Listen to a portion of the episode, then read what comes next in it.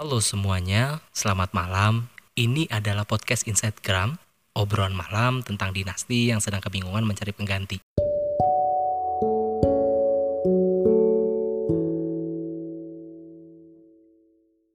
Ada yang hanya berstatus tapi tak saling cinta. Ada yang sudah saling cinta tapi tak bisa bersama. Mungkin kata-kata ini yang paling cocok buat perempuan yang bakal gue ceritakan tentang kisah pengalaman cintanya. Sebut saja dia Rahayu. Seperti biasa, perempuan ini sudah gue samarkan namanya. Untuk mempersingkat waktu, mungkin langsung aja gue ceritakan kisahnya ya. Mulai. Gini bang, aku pernah dulu tuh punya sahabat. Kakak kelas aku panggil aja si Ina. Dia tuh punya cowok. Cowoknya baik banget, bahkan ke aku juga. Karena kan aku yang sering nemenin si Ina ini ketemu pacarnya namanya fanbay gitu aja sebutnya. Oh fanbay ya disingkat. Si fanbay ini waktu itu mulai sering chat aku dari awalnya suka tanya-tanya Ina, terus mulai curhat-curhat tentang dia. Kayak gimana sekarang sama Ina, suka berantem lah, gak kabaran, udah dua minggu, segala macem. Nah, dia tuh curhatnya sama aku mulu. Pernah waktu itu dia ajak aku ketemu, tapi nggak sama Ina. Oh, si fanbay ini awalnya curhat katanya Ina nggak pernah ngabarin dia. Kalau nggak dikabarin duluan, kadang-kadang juga fanbay ngabarin, kabarin tapi gak Ina bales. Tapi ke sini-kesini dia mulai bahas tentang aku. Nanya-nanya hal privasi aku, kayak nanyain punya pacar nggak, mama di rumah sehat nggak, pulang sama siapa, suka tipe cowok gimana? Aku bingung dong. Aku perjelas ke dia, aku bilang, kamu kenapa nanya-nanya hal pribadi aku? Kan gak penting buat kamu, Bay. Dia nanya-nanya ya. Terus aku bilang, sorry, terus dia jawab, gak apa-apa, cuma ya kamu menarik aja. Gitu dia bilang.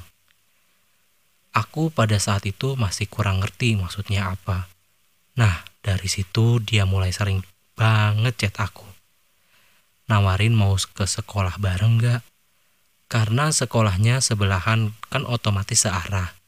Aku mau nolaknya gak enak karena kalau dia nanya gitu pas dia udah sampai rumah aku, yang sebenarnya itu harus muter dulu dari rumah dia. Kasihan effortnya kan. Mulai sering lah diantar fanbay tanpa diketahui sama Ina. Oke, Ina juga sering cerita kalau fanbay udah jarang antar dia ke sekolah Ya iyalah, orang fanbase nganter aku gitu kan. Walaupun aku bilang besoknya jangan jemput lagi, masih dijemput aja. Makin ke sini, makin dia suka nanya ke aku. Mau hangout bareng dia nggak? Mau hangout sama teman-temannya nggak? Mau ngopi bareng nggak? Oh diajak bareng gitu ya. Refreshing yuk. Gitu-gitu pokoknya. Dan aku secara nggak sadar mulai suka sama fanbase. Oke. Okay. Dengan sikap cowok yang semanis itu, sampai aku lupa kalau dia itu pacar temen aku sendiri. Oh, udah mulai nih. Dan gak lama setelah jalan beberapa kali, dia nembak aku tapi diem-diem gitu kan. Yang tahu aku pacaran sama dia cuma sedikit dari temen-temennya. Dia kasih aku kalung tanda kalau aku udah milik fanbase. Tapi aku juga masih merasa bersalah gitu karena aku hianatin sahabat aku sendiri. Selama pacaran sama fanbase, aku sama dia nggak pernah ada sekalipun berantem. Paling karena aku lagi PMS, aku cuekin dia sedikit. Tapi dia selalu punya cara bikin aku nggak ngambek lagi sama dia.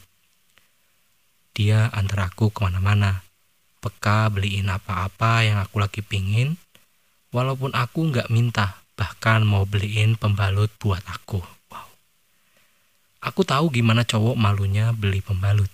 Tapi dia kayak nggak malu sama sekali. Dia suka ke rumah, ketemu mama, ngobrol akrab. Tapi Ina masih belum tahu kalau aku pacaran sama fanbase. Terus Juni tahun kemarin nih, dia kan ulang tahun tanggal 16. Nah, seminggu sebelum dia ulang tahun itu, dia bilang ke Ina kalau dia udah pacaran sama aku.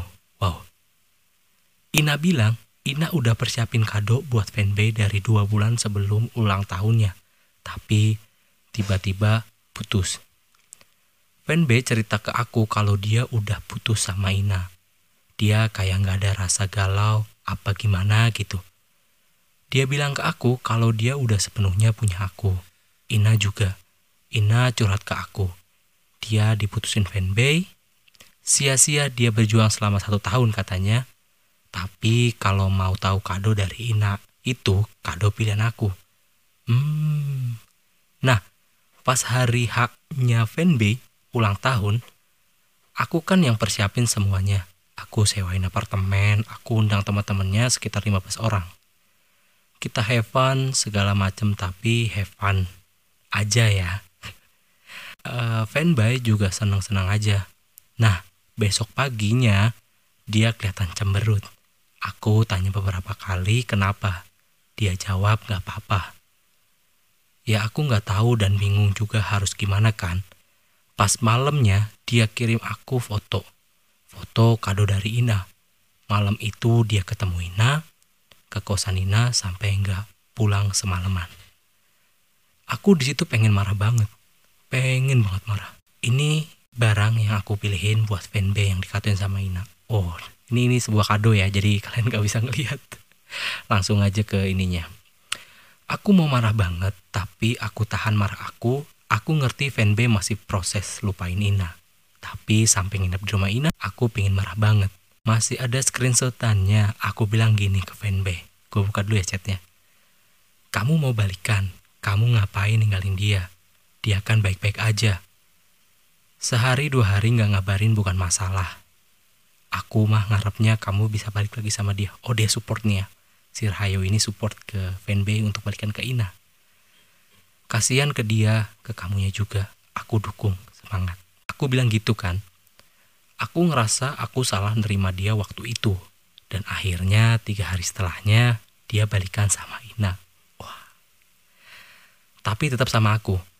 Dua hari kemudian aku minta putus sama Fanby. Aku bilang aku sama Ina itu sama aja satu orang. Sama sifatnya kalau sayang aku sayang Ina juga. Ina itu aku. Aku bilang gitu kan. Dan akhirnya aku putus sama dia. Wow selesai ya. Jadi si Rahayu ini yang awalnya hanya teman curhatnya teman curhat si fanbase ini yang awalnya cuma teman curhat dan akhirnya si fanbase ini mulai ada ketertarikan sama Rahayu karena si Ina ini hilang kabar selama dua minggu ya tadi ya. Dan ternyata si fanbase e, mutusin buat nembak si Rahayu. Rahayu juga awalnya yang gak suka sampai tertarik juga suka sama fanbase. Tapi dibalik itu sebenarnya Ina nyiapin kado ulang tahunnya selama dua bulan. Ya mungkin kayak buat surprise gitu kali ya. Nah, singkat ceritanya, si Rahayu ini udah mulai gak enak gitu kali ya. Mungkin dibilangnya ya. Yang dari dari acaranya si fanbase waktu di apartemen itu, fanbase kan tiba-tiba murung gitu ya kan. Ditanya sama Rahayu, dia bilang gak apa-apa. Kemudian Rahayu ini dikasih foto kado yang udah disiapin dari Ina. Akhirnya si fanbase ini mutusin buat ketemu sama si Ina. Singkat cerita, si fanbase dan Ina ini mungkin semalaman kali ya sampai nggak pulang gitu atau nggak ngabarin ke Rahayu. Rahayu yang awalnya cemburu, pengen marah banget, dia tahan diri, akhirnya dia bijak dan dia bilang dan dia support kalau si fanbase ini memang harus balikan ke Ina. Bijak sih ya. Tapi hmm, kalian bisa mengartikan sendiri lah ya buat pendengar podcast ini. Dan akhirnya si Rahayu ini minta putus ke si fanbase. Dan akhirnya fanbase dan Ina ini balikan. Dan si Rahayu ini bilang kalau sayang sama Ina itu juga berarti sayang ke aku, ke Rahayu. Rahayu dan Ina ini sifatnya sama aja. Berarti kalau fanbase sayang ke Rahayu, berarti sayang juga ke Ina. Hmm, mungkin unik kali ya. Mungkin karena persahabatan ini yang bikin mereka tuh sama gitu ya. Mungkin gitu ya. Dan teman-teman pendengar podcast ini mungkin bisa mengartikan atau apa ya? Bisa mengasumsi juga kali ya cerita dari ini ya. Jadi intinya adalah Rahayu ini orang ketiga yang sadar akan posisinya sebagai sahabat memilih untuk bersama bukan pilihan terbaik mungkin segitu aja kali ya itu aja dulu akhir kata sampai di sini podcast tentang Fanby, Rahayu, dan Ina. Gue Fajar dari Instagram. Sampai berjumpa di next episode. Bye-bye.